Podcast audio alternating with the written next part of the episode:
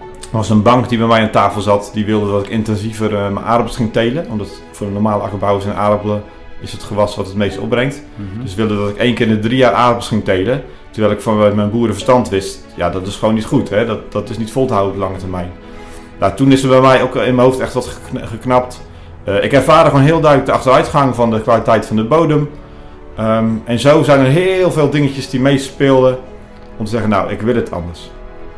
En ik ga ook anders doen.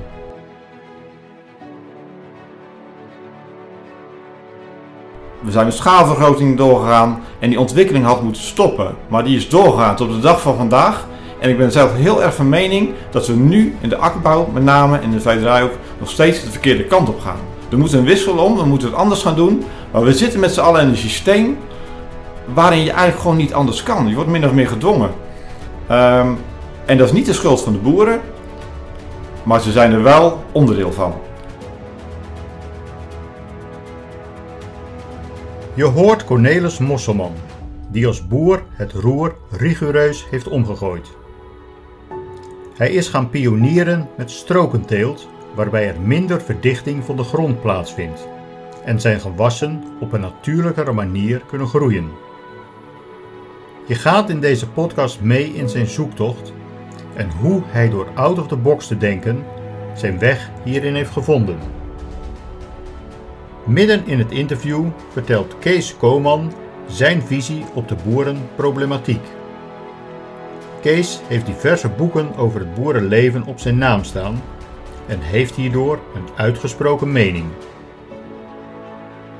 Deze podcast is opgenomen op een zonnige, doordeweekse dag in de kantoorcontainer op het erf van Cornelis in Oldgensplaat. Veel luisterplezier! I feel like lion. I'm so strong. Bring me the legacy. I'm so fun. Horen op de achtergrond soms nog wat eh, de echte boerengeluiden. Er staat nu iemand uh, van de medewerkers is bezig met het, uh, het afspuiten, zo te zien. Ja, het schoonmaken van de machine. Het is echt een winterklusje. Nakijken en uh, weer aanpassen voor wat er voor volgend jaar nodig is. En dat gaat door. Dat gaat door inderdaad. Ja. dus af en toe hebben we ook die geluiden erbij. Maar dat maakt het voor mij weer makkelijker. Want anders had ik misschien nog wat, wat boerengeluiden erachter moeten monteren. En dat hoeft nu allemaal niet. Het wordt gewoon gelijk al verzorgd. Nou, Cornelis, ik wil uh, graag beginnen met een, een, verhaal van je, van je website, waar je op je homepage ook mee, mee begint eigenlijk.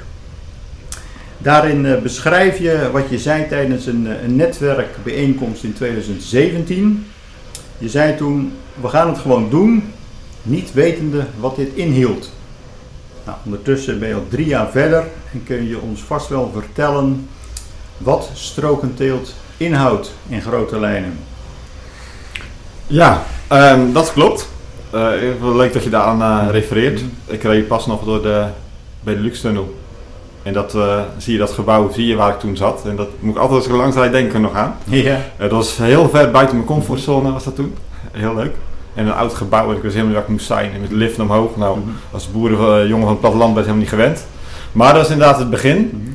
Um, en precies ja, zoals ik toen zei, uh, wist ik niet wat het inhield. Nou, inmiddels weet ik het een heel stuk beter. Um, maar ik wilde toen anders gaan doen. Er was een, namelijk een knopje dat in mijn hoofd omging. En toen ben ik gewoon ontdekken, nou wat is dan echt anders? Wat zijn de dingen waar we tegenaan lopen? En een van de punten inderdaad daarin is de biodiversiteit die gewoon afneemt. Wat veel in de vakbladen en in de kranten staat uiteraard. Um, maar wij zitten echt wel in een soort cirkeltje met elkaar. In een Nederlands systeem. En we doen het allemaal heel precies, heel gefine-tuned. Um, maar tegelijkertijd gaan we naar steeds grotere percelen. Um, en krijgen eigenlijk alle beestjes, organismen krijgen steeds minder ruimte. Mm Nou, ik wist al vanuit de praktijk dat wanneer je in de aardappel of in de uien of in een ander gewas loopt, dat in ieder gewas zijn eigen soort insecten voorkwamen.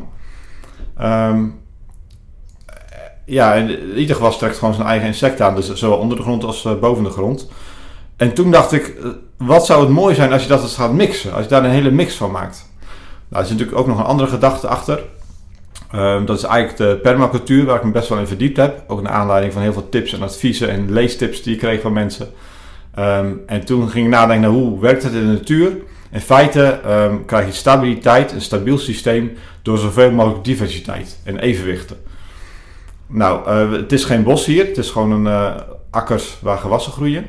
Maar door strokenteelt probeer je dus wel ook heel veel diversiteit te krijgen op één perceel. En daardoor dus ook heel veel verschillende gewassen door elkaar heen te zetten. Waardoor je dus uh, een stabieler systeem krijgt uiteindelijk. Dat is het doel van strokenteelt. En heel praktisch gezien is dat bij mij, um, zijn het acht verschillende gewassen. Die allemaal een strook van 3 meter breed naast elkaar staan. Dus iedere 24 meter komt weer hetzelfde gewas terug. Maar het zijn wel acht gewassen op één akker. En dat is heel wat anders dan tegenwoordig de grote velden met één gewas, de monoculturen. En uh, dat is uh, strokenteelt in het kort. Dat is hem in, in grote lijnen inderdaad. Uh, ja. Nou ja, we komen zo ook nog wel even op je, op je, je, je website en op je vlogs uh, terecht. Want uh, daar kan je het eigenlijk heel goed, uh, goed zien. Je hebt er ook soms dronebeelden bij dat je het van bovenaf kan zien. En ja. dan zie je echt die stroken, die zie je echt, ja, zijn gewoon zichtbaar. Ja. Ik zou het eigenlijk willen vergelijken wanneer jij um, een fotoalbum hebt en je gaat midden in de winter, terwijl het bijna kerst is, mm -hmm. ga je kijken hoe het in de zomer uitzag. Mm -hmm. Dan zeg je altijd van dat was gaaf hè. En dat is eigenlijk nu, zo kijk ik ook terug op het afgelopen seizoen. Mm -hmm. Ik zie dan het plaatje en denk, nou, dit was echt ontzettend mooi. Ik heb echt genoten toen. Mm -hmm. um, maar goed, je gaat het wel heel snel natuurlijk normaal vinden. Maar het is echt, ook visueel, visueel is het echt super mooi. Ja, ook voor nee, mij als boer. Zeer ja. zeker inderdaad. Uh, Oké, okay. uh, je noemde het net al eventjes het, het begin. Uh, daarvoor moet er ook wel een soort plantje al ergens uh, bij, in je hoofd zijn gaan zitten van nou ja, wat ik doe. Want je was eigenlijk een, een nou ja, noem het maar, traditionele ja. tuinderboer. Dus op een gegeven moment moet er toch iets gekomen zijn dat je dacht, een vonkje zijn gekomen. Ja. Wanneer is dat voor het eerst weer begonnen? Het leuke is dat je bij zulke dingen pas achteraf daarover na gaat denken en gaat realiseren hoe dat eigenlijk min of meer gegaan is. Mm -hmm. um, ik uh, heb nu ook gras, grasbalen die ik aan de biologische melkveehouder uh, lever. En bij diezelfde melkveehouder heb ik um, 18 jaar geleden gezeten. En die was toen net omgeschakeld. Dat was echt een van de echte pioniers naar biologische teelt. Um, en die zei toen tegen mij, joh, als je boer wordt, dan moet je biologisch gaan. Dat is het. Ja, toen zat ik toen nog helemaal in de andere wereld. Mm -hmm. Toen dacht ik, het zal wel. En die man uh, is niet goed bij zijn hoofd. Mm -hmm. um, en als ik terugdenk, zou dat wel eens het eerste prikkeltje geweest kunnen zijn. Okay. En daarna is, zijn het al, allemaal prikkeltjes geweest. En met elkaar, die uiteindelijk, laat me zeggen, is dat steeds sterker en mm -hmm. meer geworden. Maar goed, ik zeg wel schetsgerend als bij iedereen er 18 jaar overheen gaat, voordat ze echt daadwerkelijk stappen gaan zetten. ja, ja. Dus, um, um, maar er zijn heel veel meer dingen. Um, er was een bank die bij mij aan tafel zat, die wilde dat ik intensiever uh, mijn aardappels ging telen. Omdat voor een normale akkerbouwer zijn aardappelen is het gewas wat het meest opbrengt. Mm -hmm. Dus wilde dat ik één keer in de drie jaar aardappels ging telen. Terwijl ik van mijn boerenverstand wist, ja dat is gewoon niet goed. Hè? Dat, dat is niet vol te houden op lange termijn. Nou, toen is er bij mij ook in mijn hoofd echt wat geknapt. Uh, ik ervaarde gewoon heel duidelijk de achteruitgang van de kwaliteit van de bodem. Um, en zo zijn er heel veel dingetjes die meespeelden om te zeggen, nou, ik wil het anders. En ik ga het ook anders doen. En dat is, uh, is toen begonnen. En je, ja. je, hebt nu eigenlijk je eerste grote seizoen achter de rug. Ja. Nou, weet je, um, wanneer je in Amsterdam, Rotterdam rondloopt, is biologisch eigenlijk de norm. Is heel normaal. He, dan gaan mensen, als jij zegt dat je boer bent, gaan ze vanuit dat je biologisch bent. Terwijl voor de melkveehouder of akkerbouw is er nog steeds een enorme drempel. Mm -hmm. Het vraagt heel veel investeringen. Je mag twee jaar moet je biologisch telen, maar je mag het product niet als biologisch verkopen. Um, en ja, dat, je gaat gewoon financieel enorm in een dal. En dat moet je later maar weer uitzien te krijgen. Um, nou, die hobbel naar biologisch was voor mij al zo groot dat ik het amper overzag. Maar ik ben het gewoon gaan doen, omdat ik van overtuigd was dat dat een voorwaarde was om te mogen leveren. En toen zou je daar kunnen zien dat je op een hoge golf zat. En toen zat je bovenop en toen, ja, toen ben je eigenlijk gewoon meegegaan met de stroom. En uh, van een kwam het ander. En is het eigenlijk een groot verhaal geworden wat ik van tevoren nooit had kunnen overzien. De basis was dat ik dacht, nou, het bedrijf wat ik heb heeft geen toekomst. Ook niet voor mijn kinderen die al rondlopen hier. Um, en ik zie de kosten omhoog gaan. Ik zie mijn bodemkwaliteit achteruit gaan. Um, ja, het moet gewoon anders. Hè. Dit is niet vol te houden. Dat was de basis. Alleen, ja, van het een kwam het ander en toen is het een super groot verhaal geworden. En wat je noemde net strokenteelt. Uh, ik doe eigenlijk vier teeltmaatregelen anders dan een gemiddelde boer. En die samen vormen een geheel. En strokenteelt is daar waar het meest zichtbare van. Mm -hmm. Wat je gewoon ziet als je langs rijdt. Maar daarvoor is het ook zo dat ik eh, die zware kleigrond, normaal ploeg je die voor de kerst, die laat ik in de winter groen. Want eh, op het moment dat jij de gewassen groen houdt en de akkers doorwortelt, dan blijf je ook je bodemleven veel meer in stand in de winter. Ja. Nou, dus voor op de klei doe je dat in principe nooit, maar dat doe ik nu wel. Eh, ik ben gaan rijden met eh, vaste paden, een soort treinrails zou je kunnen zien, waardoor maar 10% van de bodem verdicht wordt, Mhm. maar 90% van de bodem wordt niet meer verdicht. Dat geeft gewoon letterlijk heel veel meer ademruimte aan je bodemleven. Ehm, en biologisch is het eigenlijk de eerste. Dus de eerste is biologisch, eh, dus geen chemie, geen kunstmest, geen gewasbescherming. De tweede is de bodem nu weer verdichten door die rijpaden. Het derde ehm, is dus het groen houden in de winter, waardoor je dus ja, veel gezondere, betere bodem krijgt, een bodemleven. En de vierde sluitstuk, die het helemaal afmaakt, is eigenlijk eh, die strokenteelt. Ehm, en dat zijn eigenlijk vier maatregelen die elkaar versterken, waardoor je gewoon een heel krachtig verhaal krijgt. Dus al die dingen op zich zijn niet uniek in Nederland, maar de combinatie daarvan en in de mate waarin ik ze doorvoer, die principes, ehm, dat maakt het wel echt een uniek Dat verhaal. En ik denk dat, ja, dat ik wel eh, daarin het meest vooruitstrevend in Nederland ben. Probeer ik te zeggen zonder hoogmoedig te worden. Maar... Want je zegt het eigenlijk heel, heel simpel. Van, nou, je voelde aan van er zat iets niet goed in de, in de traditionele manier. Dus ik ga het, eh, ga het anders proberen. Maar goed, het was even wat meer als proberen. Want je hebt toch ook een deel van je land heb je, heb je verkocht. Dus het zijn best wel vrij grote beslissingen die je, die je hebt moeten nemen Ja. daarin. Ja, goed, ja, dat is wel leuk dat je dat inderdaad zegt. Nou, hoe komt dat? Ik had ehm, daarvoor, voordat ik die omslag ging maken, al geleerd dat het heel goed is om buiten je eigen kringetje, buiten je eigen cirkeltje te gaan kijken. Mhm. Ik noemde net al hè, bij die bijeenkomst waar ik eh, zei dat ik het anders ging doen. Dat was heel ver buiten mijn comfortzone. Dat was echt ehm, ja, niet wat bij mij paste. Maar ik, het prikkelde me tegelijkertijd wel. En ik had al geleerd, soms moet je gaan praten met mensen die totaal geen verstand hebben van de landbouw. En dan zeggen ze soms dingen, denk nou, die snappen er echt helemaal niks van. Maar als je vervolgens, laat je dat op je inwerken. Mhm. En dan zeg je, hé, hey, zo gek is het toch niet? En dan prikkelt dat jou om op een andere manier van buitenaf als het ware naar je bedrijf te kijken. Ehm, ja, en dat is gewoon, dat is, helpt je om, om out of the box te denken. Nou, ik, ik denk dat ik achtergekomen ben dat ik echt een out of the box denker ben. Dat moet je ook wel zijn om dat te doen. Maar ik ben ook iemand die heel erg de theorie en de praktijk probeert te koppelen aan elkaar. Dus ik, eh, in Wageningen waren ze mee bezig. Eh, ze hebben allemaal over drones die gaan oogsten. Ehm, dat gaat echt komen. En drones die het, eh, of robots die op het land gaan werken. Maar daar zijn we nog niet. Mhm. Dus ik denk, je kan wel gaan zitten wachten tot over 20 jaar dat allemaal voor elkaar hebben.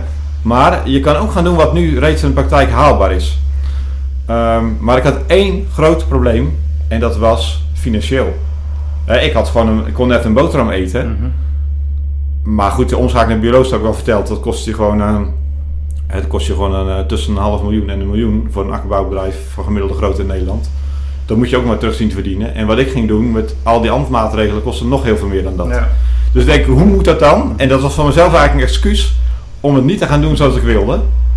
Ehm, en daarmee verto- vertegenwoordig denk ik gewoon een heel groot deel van de boeren in Nederland. Want er zijn er heel veel die echt wel willen, maar gewoon simpelweg niet overzien en niet weten hoe. Nou, en daar voel ik eigenlijk heel erg mee mee met die mensen. Ehm, en je zou achteraf gezien kunnen zeggen dat het een noodsprong was voor mij. Ik denk, nou, wat ik nu aan het doen ben, heeft geen toekomst. Toekomst meer. Nee. Dus dat, dat staat Mhm. vast. Als ik het heel anders ga doen, ehm, ja, misschien is er dan wel toekomst. En dan een sprong in diepe. En stel dat het helemaal mislukt, dan heb ik in ieder geval vijf jaar gedaan zoals ik denk dat het eh, moet. En ik heb vijf jaar plezier gehad. Ik heb vijf jaar van genoten. Dus best wel een aparte houding natuurlijk. Ehm, maar uiteindelijk, een van de beslissingen die ik echt radicaal tegen de stroom in is, is dat ik mijn boerderij verkleind heb. Want iedereen is enorme grondhonger bij alle boeren in Nederland. Iedereen wil een stukje erbij hebben. Ik dacht, stel dat ik nou eens een deel van mijn bedrijf afstoot, dan kan ik me meer focussen eh, op een kleiner stukje. En ik krijg financiële middelen om te gaan doen Ja. hoe ik denk dat het moet. Want de bank ging hier niet meewerken. Ik moest vier jaar lang moest ik vertellen dat ik flink verlies ging maken. Heel veel investeringen. En wat ik ging doen was onzeker.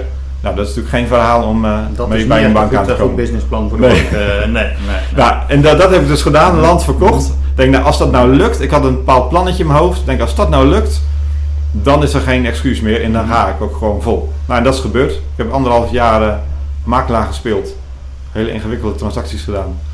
Wat eigenlijk helemaal niet eh, is wat ik leuk vind, maar eh, toch gelukt is. bij, eh, en toen ben ik gegaan. Ik denk, ja, nou heb ik ook geen excuus meer voor mezelf. Dan gaan we maar. Ja, en daar zit ik eigenlijk nu middenin.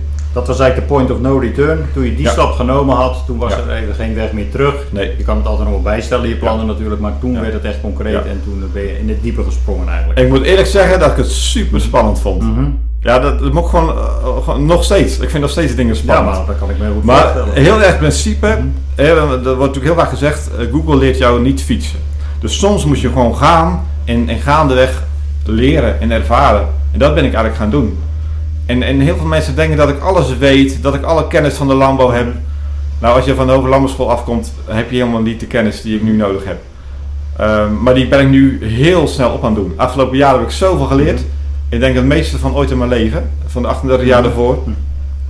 Ehm, en dat is, dat is hoe ik het zie. Gewoon gaan. Gewoon gaan en gewoon proberen. Ja. Want je bent eigenlijk ook een ander soort eh, boer, tuinder. Eh, want je neemt de mensen ook mee eh, door middel van je, je vlogs. Ja. Dus je laat ze ook gewoon zien. Je, je maakt er soms zelfs per week maakt hij een, een vlog. Dus je kon gewoon echt helemaal zien van, het- van het zaaien tot en met het oogsten, zeg maar. Dat hele proces en alles wat erbij kwam kijken.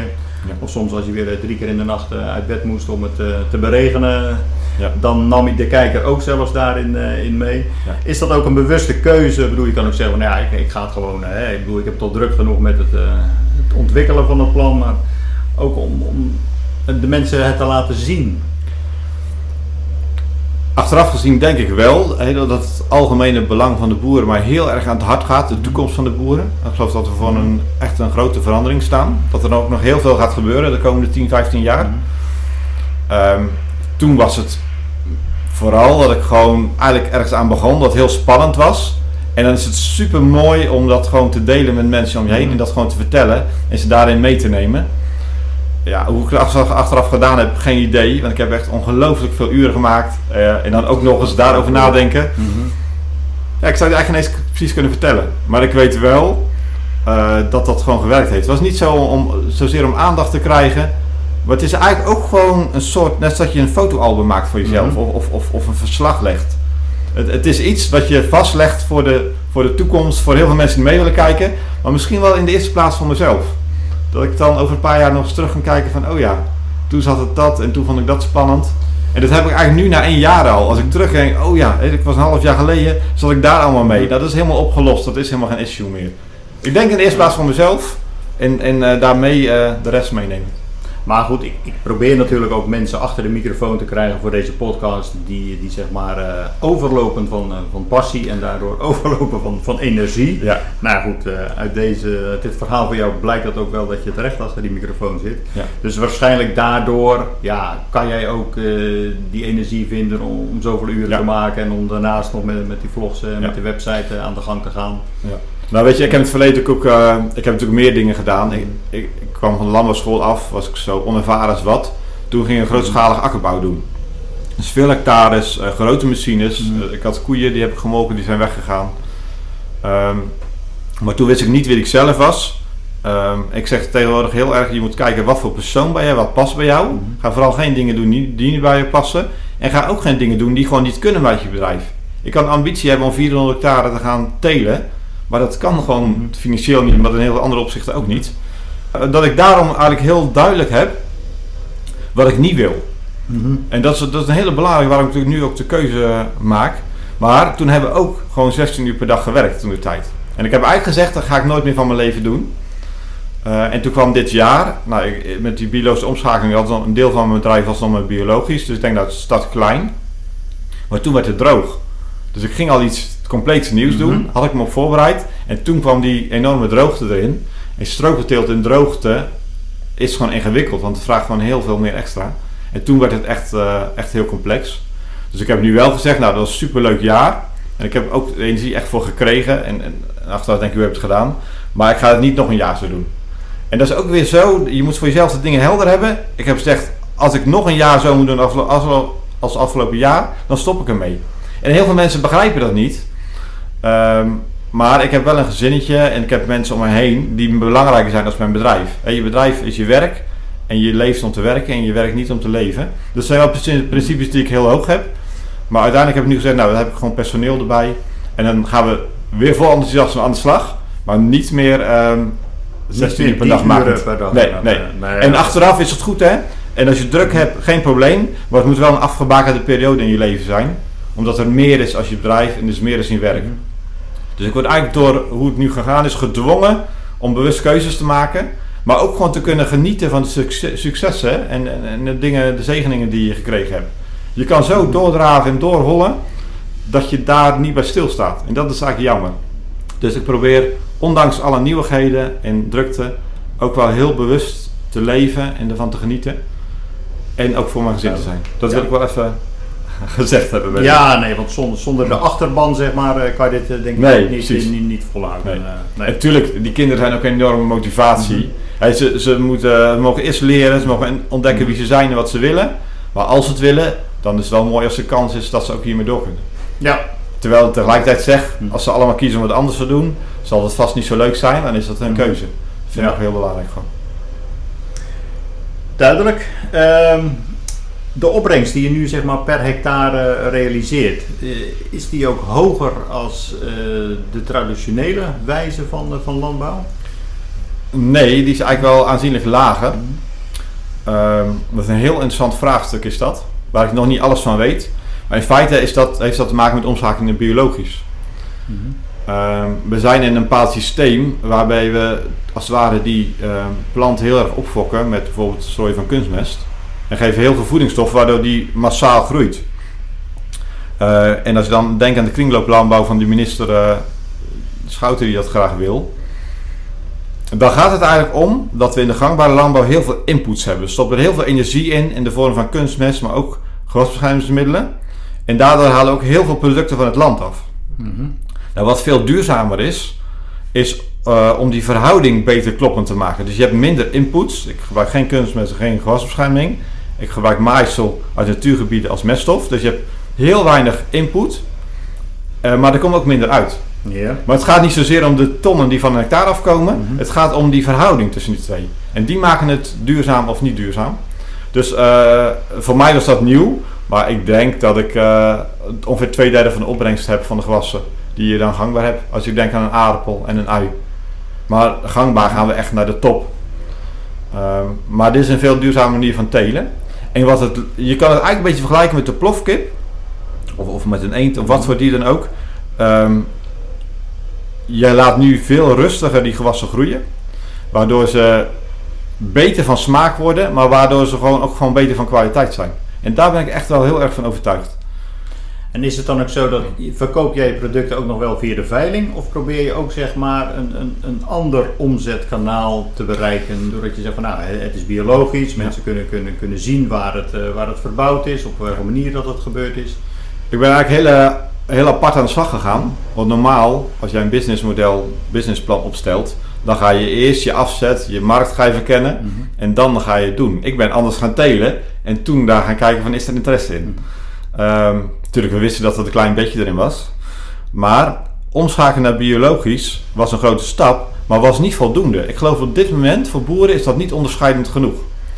Dan ga je heel veel kosten maken, dat ga je niet uit de markt terughalen. En dat klinkt echt heel raar in mijn mond. Maar als nu een collega akkerbouwer zegt van ik denk erover omschakelen naar biologisch, dan zou ik tegen hem zeggen, denk er alsjeblieft heel goed over na en ga je berekeningen maken. Want ik weet niet of je dat financieel gaat trekken. En dat is voor mij echt wel een zorgenpunt.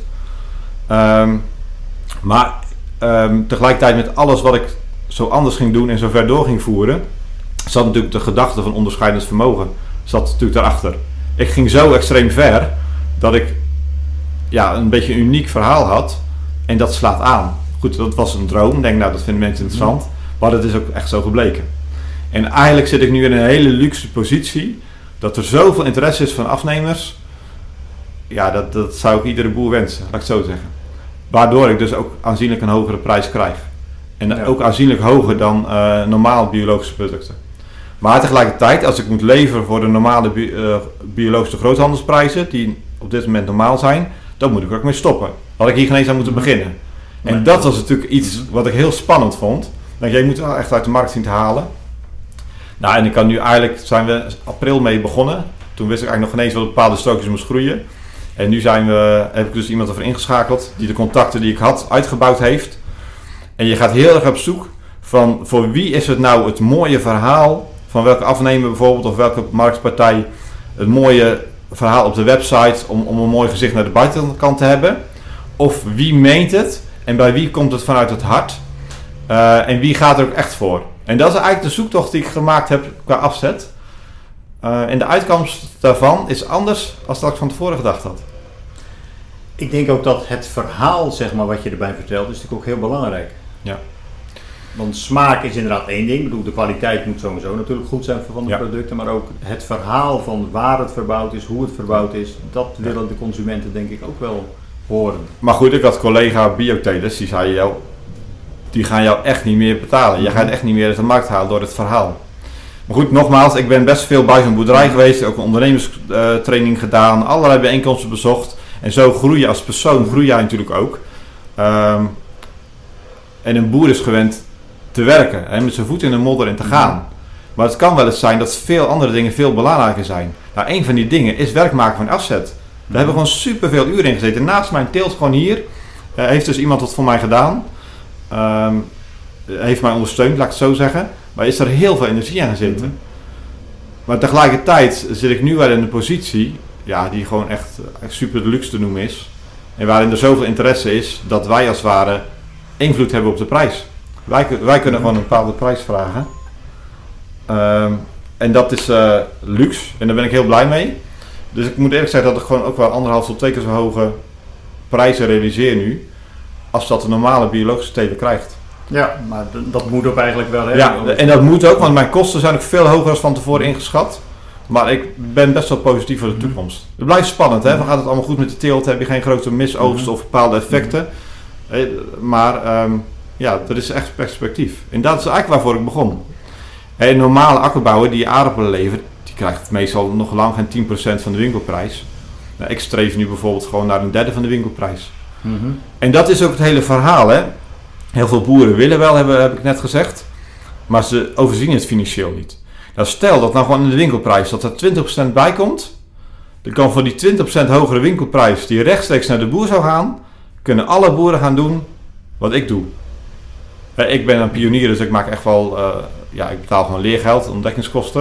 Maar op een gegeven moment weten we met z'n allen een beetje hoe dat moet. En dat is echt waar we naartoe moeten. Dat is een cruciaal en, en jij vroeg net van die afzet, van hoe ga je dat doen?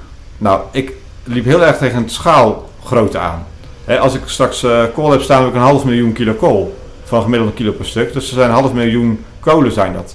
Nou, die kan ik niet hier in een winkeltje voor aan de weg gaan verkopen. Nee. En zo, zo dacht ik in het begin wel. Ik mhm. open ergens een winkeltje, ik laat mensen langskomen. Mm Dat doen we nog steeds, maar dat heeft een hele andere reden. Maar dat volume, ik wil toch een professioneel bedrijf zijn die een bepaalde schaal opereert. Omdat het uit mijn mond heel raar klinkt, omdat ik verkleind ben en hele ingewikkelde dingen ga doen. Maar toch heb je een bepaalde manier van efficiëntie nodig, anders vliegt je kostprijs gaat gewoon keer 3, 4. En dan kun je het niet meer kwijt in de markt. Dus echt duurzaam bezig zijn, tegelijkertijd toch echt ook die kostprijs in de gaten houden en dingen op een bepaalde logische manier doen.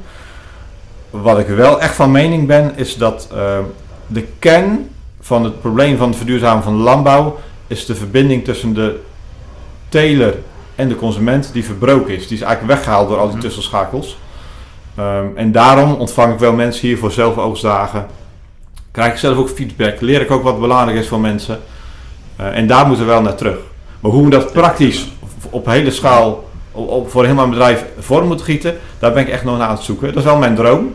Maar daar heb ik nog een aantal jaren voor nodig om dat, te weten. Dat is ook een ontdekkingstocht. Ja. Dat, eh, dat dus het is, het is en en. En ik moet ook echt heel eerlijk zijn dat nu een supermarktketen in Nederland is mijn belangrijkste afnemer.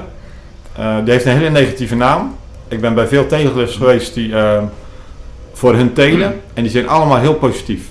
Wanneer jij standaard goede prijzen krijgt en wanneer er over goed gecommuniceerd wordt dat jij niet uh, alleen maar op sterven na uh, dood bent met je bedrijf, dat is mhm. wat er normaal in de praktijk gebeurt, maar dat je kan ontwikkelen, dat je verder kan, um, ja, dan kun je een plan maken. En dat is in mijn geval ook zo.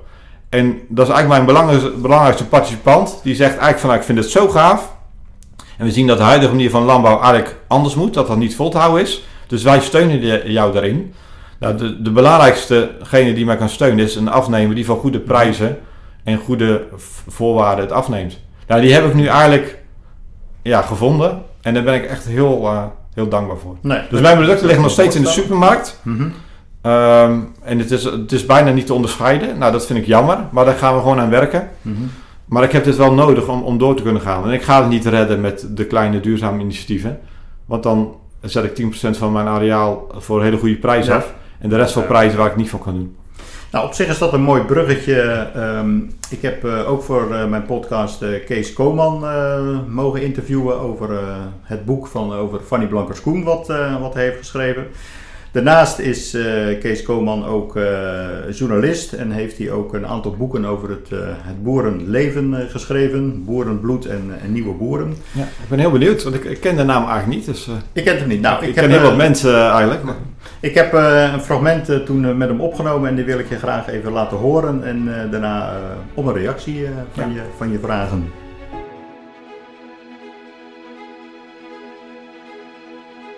Een algemene vraag eh, om eventjes eh, mee in te, te leiden. Is de traditionele wijze van boeren ten dode opgeschreven? Absoluut. En eh, in,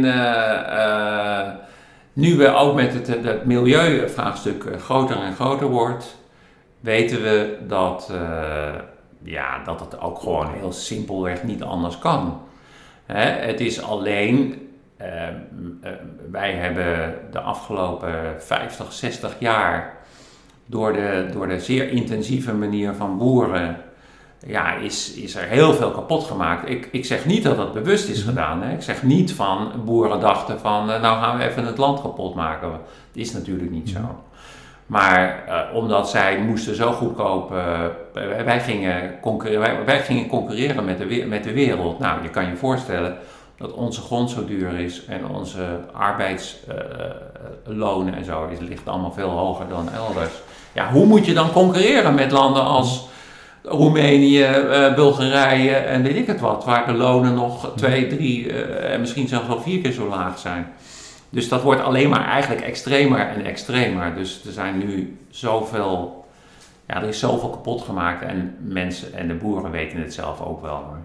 Dat je, eh, en er zijn nu heel veel protesten, maar er is, maar- er is echt maar één manier, denk ik, om, eh, om het weer eh, in het reinen te brengen. En dat is eh, die, vee, die, die veesector met nou 40%, Mhm. misschien wel 50% te verkleinen. Want je blijft met het probleem van, van de mest en van de, van de stikstof. Dat, dat, en dan roepen boeren wel, ja, dat de, de wegen en Mhm. vliegtuigen.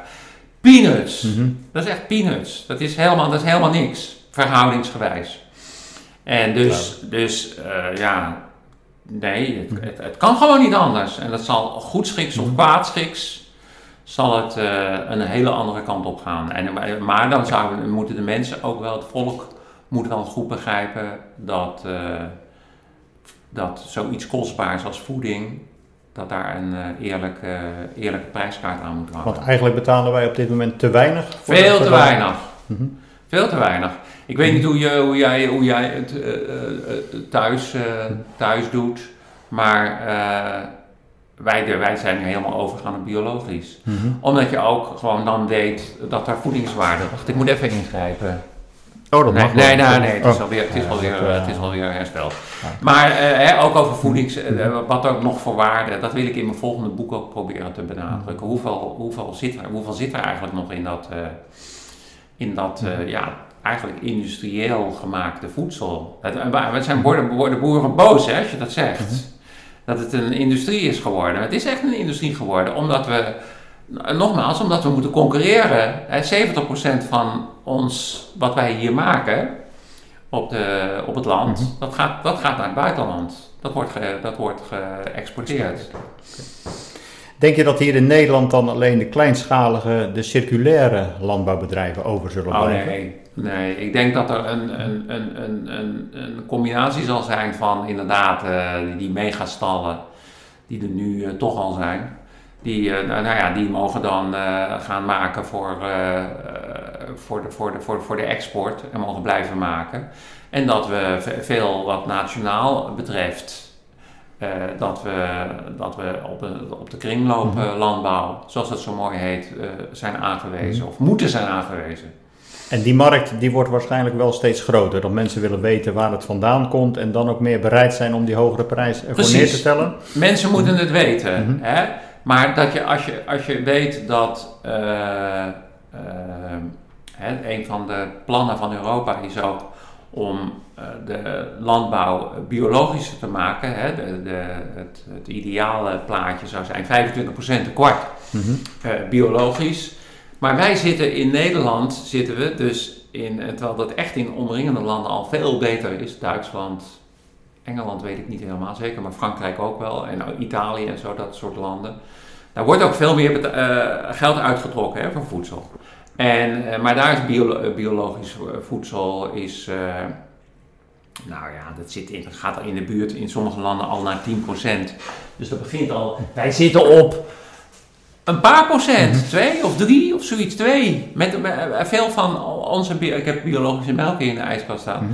komt uit het buitenland. Dat is toch, dat is toch idioot? ja, Hè? ja, ja. Dat is toch idioot? Terwijl we hier midden in Friesland ja, zitten. we zitten. Ja, Hm? ja. Dus, dus eh, eh, maar echt die, die, die, die omslag die komt er. Hè, dan- dan- dan- Mhm. Misschien duurt het nog een paar jaar, want het- ik vind dat de overheid nu veel te, veel te lief en veel te aardig is. En, eh, ze, eh, en kunnen die boeren wel weer met hun tractoren Mhm. eh, tegen beter weten in hoor, volgens mij. Als je, het, als je er een beetje, een beetje nadenkt, dan weet je dat het zo niet verder kan.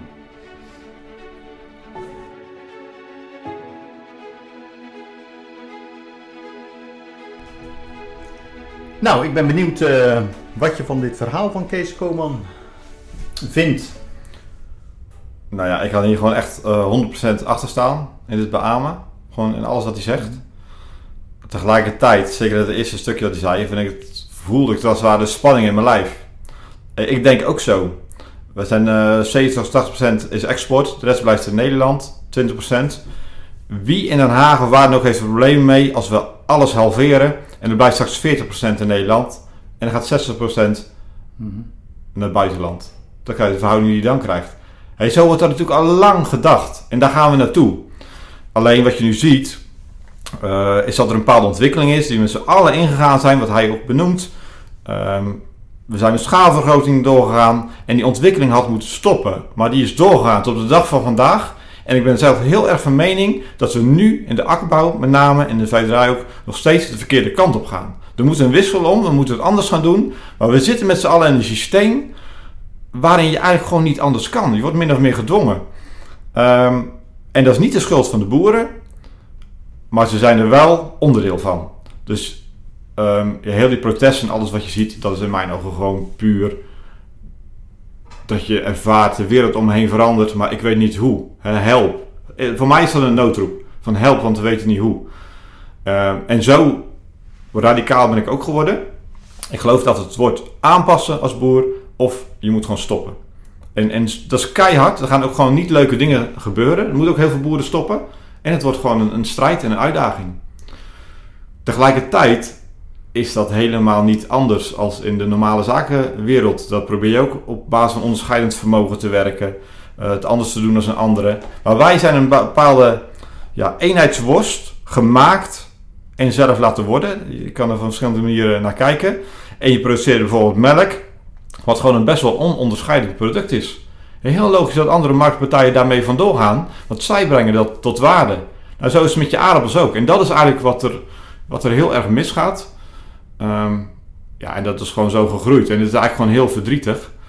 En tegelijkertijd, om dat anders te krijgen, het, het moet anders, het gaat anders. Maar ik ben nu een beetje degene die het allerhardst roept, denk ik in heel Nederland, van als we dit met z'n allen willen, zullen we het met z'n allen moeten doen, want het kost verschrikkelijk veel geld. Wat ik nu doe, dat houdt niet op met een miljoen wat ik investeer. Dus je kan gelijk al van tevoren berekenen dat mijn kostprijs heel veel verder omhoog gaat. Nou, doe ik het dan te veel? Doe ik te veel met machines? Ehm, hij benoemde het ook, hè, de arbeid is duur in Nederland. Dus voortdurend afweging tussen investeringen in machines en, en, en, en schuren en zo en mankracht. Want arbeid is gewoon duur. Dus dat is die voortdurende balans. En daarom noemde ik eerder ook al, je hebt toch een bepaalde mate van efficiëntie nodig. Ik sta eh, pas ook in een boeren van de meest eh, 20 meest vooruitstrevende landbouwboeren in Nederland. Nee, ik ken die andere boeren niet, maar ik kreeg dat boek ook te zien. Dus dat deed ik open. En er werd ook gevraagd naar ben je tevreden over je inkomen. En ik schrok er eigenlijk van, van de boeren die het echt, in mijn ogen op een volhoudbare manier deden, hoe matig ze rond konden komen. Ehm, en daar schrok ik van, want dat is niet gezond. En wanneer jij niet door kan met je bedrijf en wanneer je niet gewoon een boterham kan eten, is iets ook niet volhoudbaar. En Kan het- ruimte hebben voor, voor nieuwe investeringen. Ja, ja, precies. de toekomst. Ja, en ehm, ik voel me daar echt wel een, ehm, ja, een, een, een, een baanbereider of een wegmaker als het ware. Om, om, om daar hard voor te maken. En ook zo hard mogelijk te roepen. Jongens, als het willen kost geld. En waar komt het vandaan? Nou, ik heb die omslag gemaakt. Ik heb uit eigen zak betaald. Wie is de grote ontbrekende? In mijn ogen de overheid op dit moment. Ik krijg eigenlijk wel subsidie van een gemeente. Ik kan niet zeggen dat ze niks doen. En ze- geven me wel ook wel aaien voor mijn bol. En dat is heel aardig. Maar ik ben als het ware min of meer het wiel uit te vinden voor de akkerbouw. Op de schaal die ik doe. Maar die ondersteuning, die mist gewoon. Nou, waar ik me nu de laatste tijd soms boos over maak. Nou, dat, dat, dat past nogmaals niet bij mijn aard. Maar mensen die ehm, gaan een hele systeem optuigen. En gaan bijvoorbeeld met bio, eh, met ecosysteemdiensten. Dat wordt een nieuw verdienmodel van de boer. Ik heb een paar dagen terug nog een bijeenkomst gehad. En dan gaan we, de boer gaat meer diversiteit cre- creëren. Die gaat meer water bergen. Die gaat koolstof vastleggen.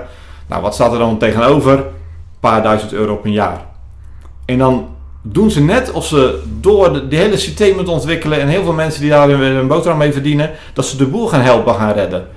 Dat is gewoon niet waar. Ze leggen die boer nog meer lasten op. En ten diepste helpen ze nog verder in de put. En dat is waar ik nu de laatste tijd zorgen over maak. Of boos om kan maken. Weet je, dat gaat mij zelf niet zozeer aan. Ik denk dat ik goede kans heb om het te gaan redden. En ik ga gaan gewoon door met je verhaal, de verbinding zoeken met mensen. Ehm, maar de, grote, de massa die achter mij aankomt. Ja, het is toch triest dat iets waar ik helemaal in geloof. Eigenlijk mijn collega's moet adviseren, dat moet je niet gaan doen. Want dat ga je niet redden. Dat, het is zo krom en zo ingewikkeld. Het financiële aspect, dat kan ik me heel goed, goed voorstellen. Ehm, je noemde net zelf ook al eventjes de consument en hoeveel dat ervoor betaald wordt in, in de winkel uiteindelijk. Eh, Zit dan die bedrijfskolom ook niet wel wat scheef in elkaar? Eh, zitten de boeren niet aan de verkeerde kant van de Ja. streep wat zij ervoor krijgen en is al de tussenhandel en de supermarkten die een groter deel van de koek opeisen? Ja, maar dat is in feite ook gewoon wat ik net zei, hoe het werkt. De boer heeft aardappels, die maakt dat niet tot waarde. Mhm. Dat moeten zij doen. En zij doen dat op een hele efficiënte en logische manier.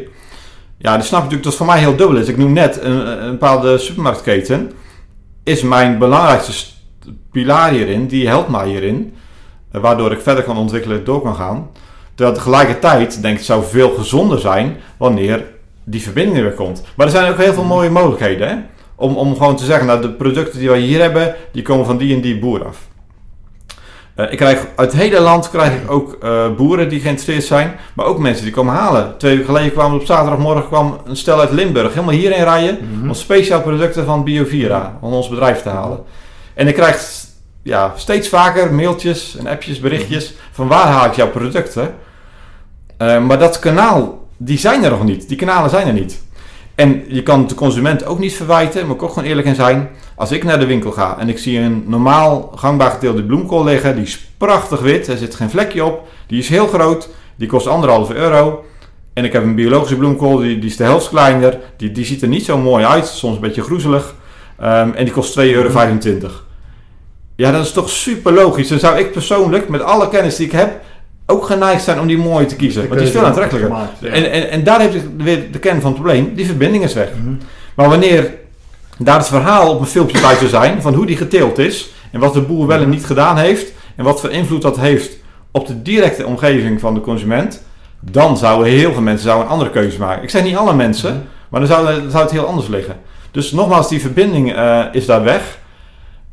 Ja, en je kan niet één schuldig aanwijzen. Je kan niet zeggen de consument. Je kan niet zeggen de supermarkt. Je kan niet zeggen die andere ketens of de boer. Het is wij allemaal. Maar daarom is het ook zo super moeilijk om natuurlijk te veranderen.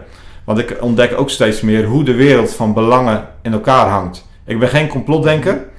Maar ik schrik er soms wel aan van hoe sterk de lobby is. In Brussel, maar ook rondom een minister, als ik die een tijdje geleden wat heb mogen vertellen.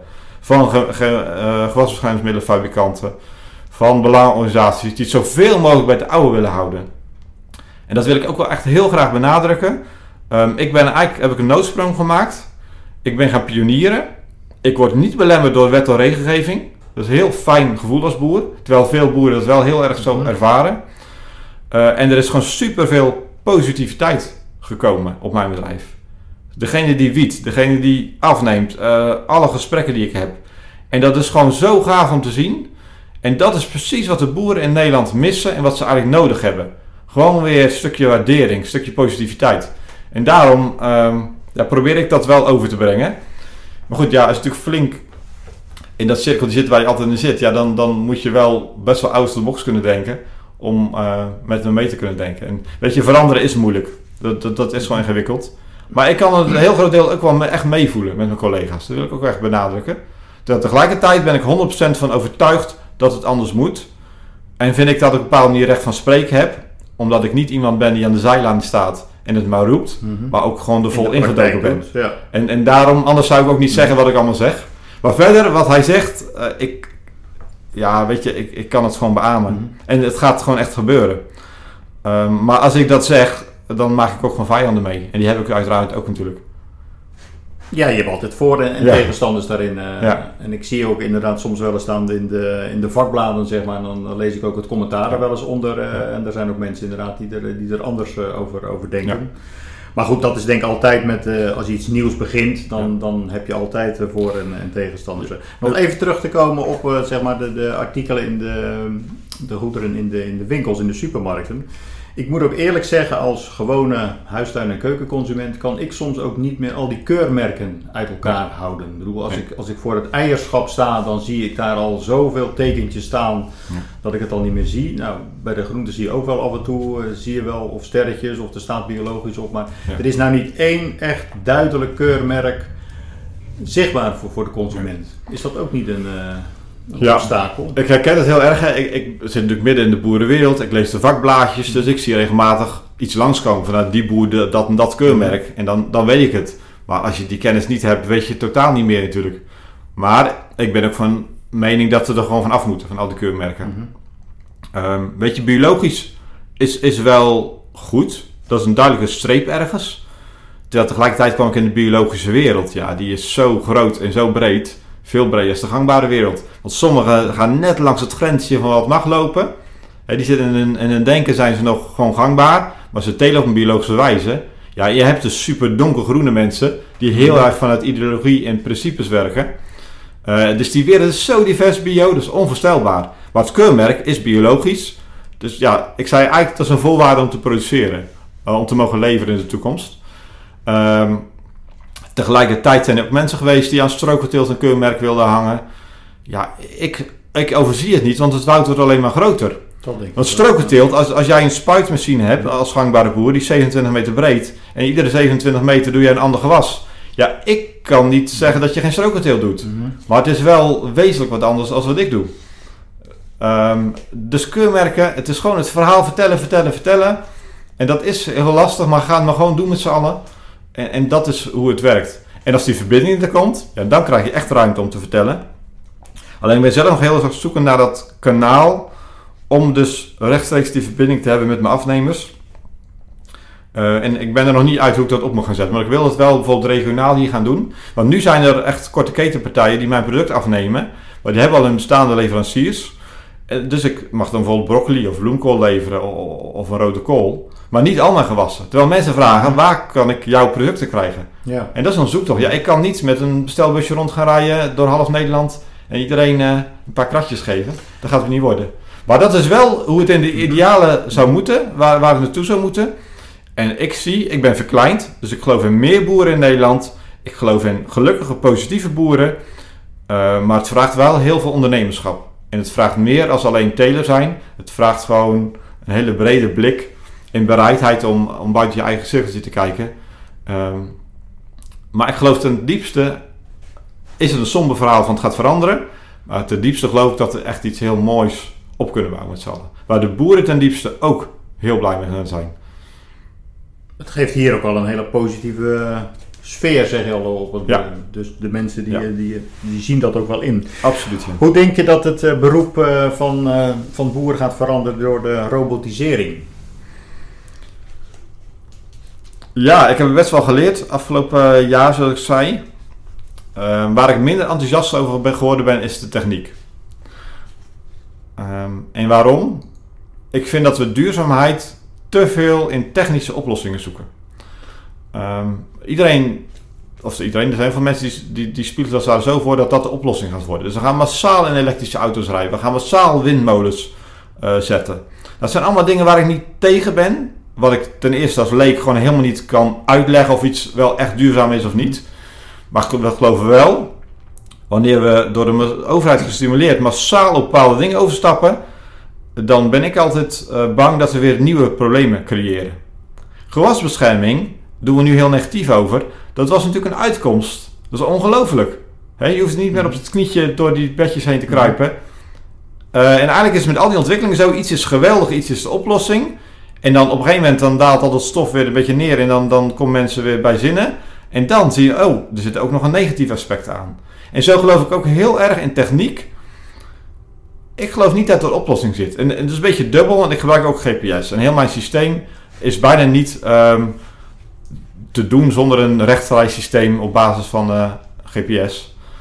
Dus dat is ook techniek. Tegelijkertijd denk ik daar super vaak over na. Stel dat we hier nou ook eens oorlog krijgen en ernstige dingen gebeuren. Ja, dan red ik nogal een jaartje om dan gewoon op de hand op die sporten te gaan rijden.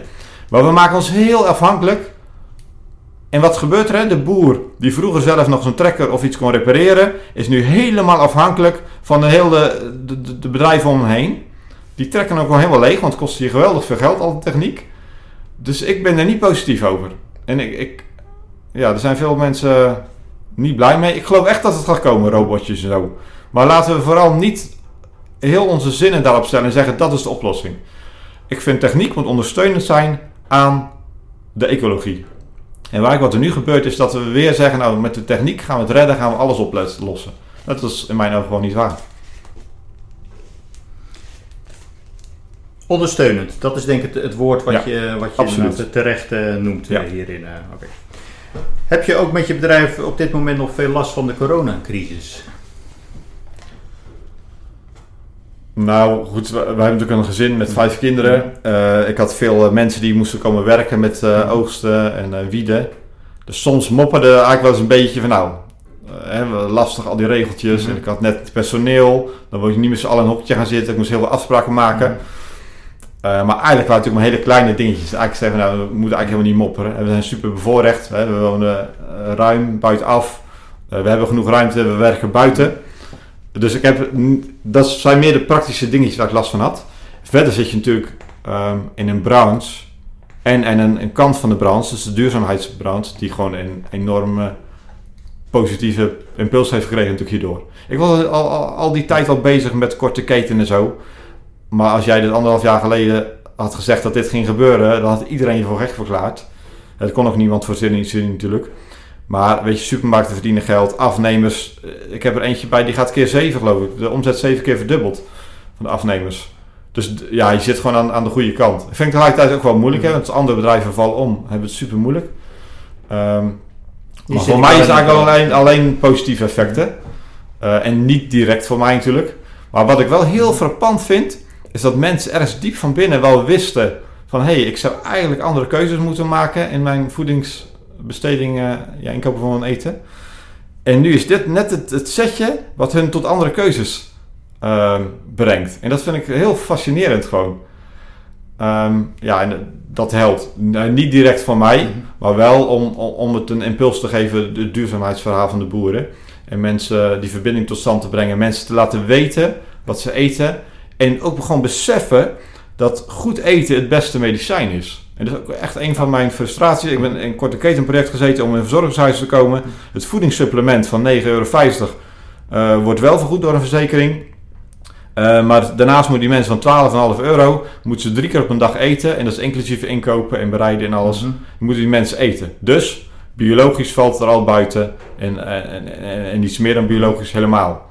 En dat is de wereld waar we in leven. Nogmaals, belangen uh, heel veel machten die van alle kanten trekken. Ja, en dan denk ik, nou heerlijk, ik ben lekker boer. Ik kan de wereld niet veranderen. Ik heb heel veel vraagstukken waar ik gewoon geen antwoord op heb.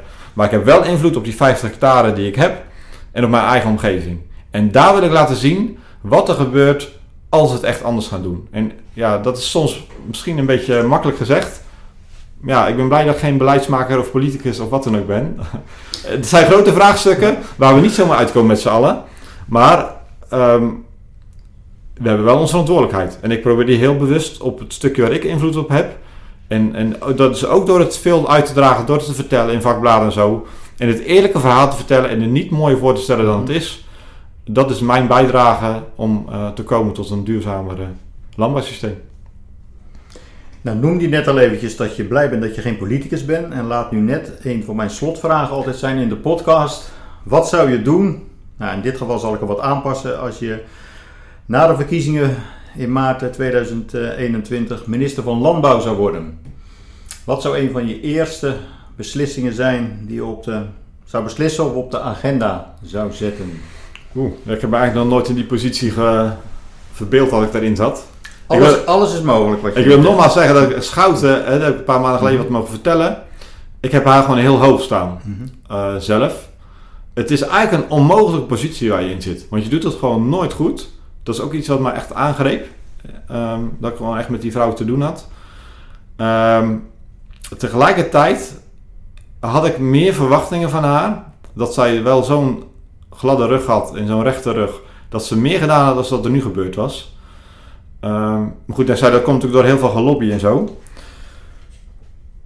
En we hebben natuurlijk een apart systeem in Nederland. We hebben vier jaar, we gaan nu naar de verkiezingen toe en iedereen moet, weer, ja, moet het weer goed doen om weer de, de, de kiezers te trekken in die verkiezingen. Mm Dat is natuurlijk funest ervoor. En daardoor is er niemand die zegt, nou, nou gaan we het echt anders doen. We stoppen met al dat gebabbel en die praatjes. We gaan er gewoon voor. En het gaat geld kosten, uh, dat, dat moet betaald worden. Maar gewoon het eerlijke verhaal, maar, ja, ik zou, ik zou radicaler zijn. Zeg ik nu, makkelijk zittend op mijn stoel hier. Mhm.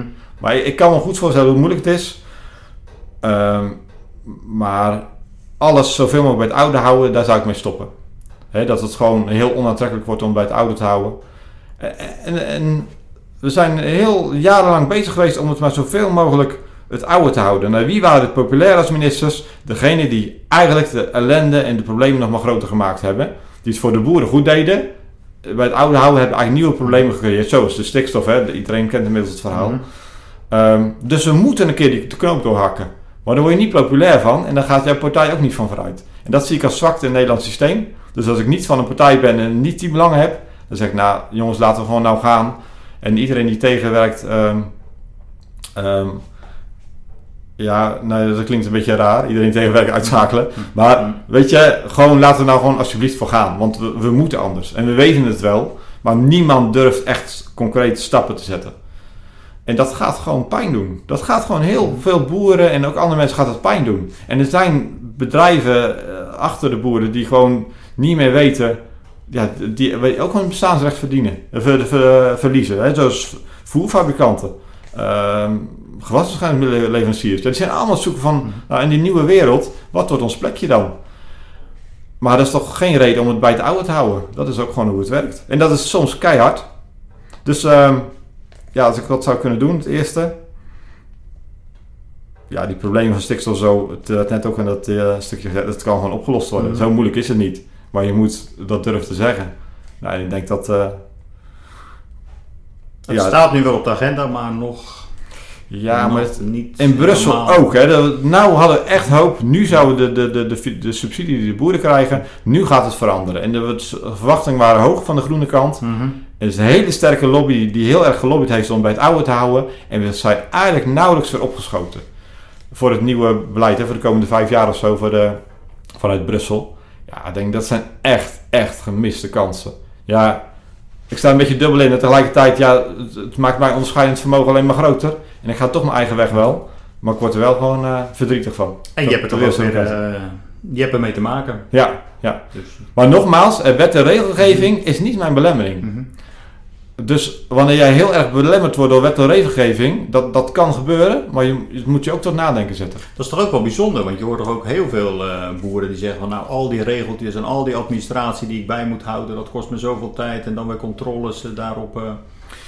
Ja, goed, dat zit dan meer in de, in de voedselveiligheid en in de certificering bijvoorbeeld. Nou, weet je, als jij de controle krijgt, een heel groot stuk zit in gewasbescherming, in chemie. Mm -hmm. Natuurlijk super lekker met wat ik doe. Ik heb daar helemaal niet mee te maken, want ik gebruik Nee. helemaal geen chemie. Nee. Snap je? Dus het allergrootste hoofdstuk valt af. Hè, straks als ik wat meer zelf ga verwerken of ga snijden of zo van producten, dan krijg je daar gewoon weer regels voor de hygiëne. Mhm. Maar dat is eigenlijk mijn grootste administratieve last. Eh, maar verder niet. En dat zegt wel echt wel wat, hè? Mhm. Dat, dat je niet belemmerd wordt daardoor. Ja. Eh, De overheid wil je een bepaalde kant op sturen. En je wil eigenlijk niet, en je gaat zo lang mogelijk net langs het grensje van die wet en regelgeving. Nou, dan kom je in een hele negatief iets nogmaals kom je terecht. En daar moet je heel ver vandaan gaan. En dat heb ik eigenlijk gedaan. Ik, ik, door een deel van mijn bedrijf af te stoten en het helemaal anders te gaan doen, ben ik echt in het diepe gesprongen gaan pionieren. Eh, ja, echt lastig. Heel veel vraagstukken die ik eigenlijk aan niemand kon vragen. Maar tegelijkertijd was ik helemaal van die negatieve kant was ik weg. En ik kan je echt vertellen, dat is heerlijk. Heerlijk. Ook voor je persoonlijke groei. Ook voor me persoonlijk, ja. Maar ehm, ja, wat je zou doen. ehm, ja, ik, ik, ik- je moet wel radicaler zijn. Dat, dat moet gewoon gebeuren. Alleen, het is gewoon heel moeilijk in dit land, in ons systeem zoals het zit. Duidelijk. Ik, eh, ik zie dat we de opname alweer eh bijna tot een goed, eh, goed einde hebben gebracht. Ik heb er in ieder geval een heleboel van geleerd. En ik heb ook genoten van je, je passie om over dit onderwerp eh, te vertellen. Dus eh, ik, eh, ik hoop dat onze luisteraars dat, dat ook zo hebben ervaren. Ja.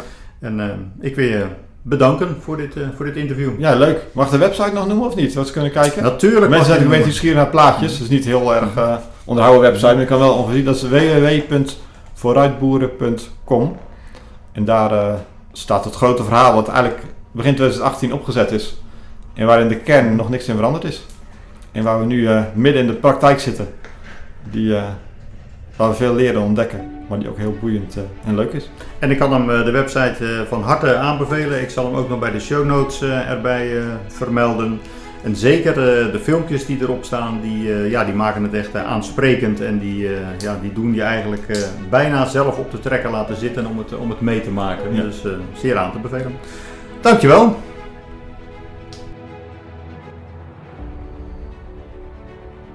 Je hebt geluisterd naar het interview met Cornelis Mosselman. En er is mij met name één zin hieruit bijgebleven. De wissel in de landbouw moet om. De toekomst zal leren of Cornelis hierin baanbrekend bezig is. Mocht je geïnteresseerd zijn geraakt in het dagelijkse boerenleven van Cornelis zijn bedrijf, kan ik de website vooruitboeren.com van harte aanbevelen. Voor nu bedankt voor het luisteren en tot de volgende aflevering van de Gouden Graal podcast. I feel like a lion. I'm so strong. Bring me the legacy. I'm so fun. I feel like an energy is going inside my mind.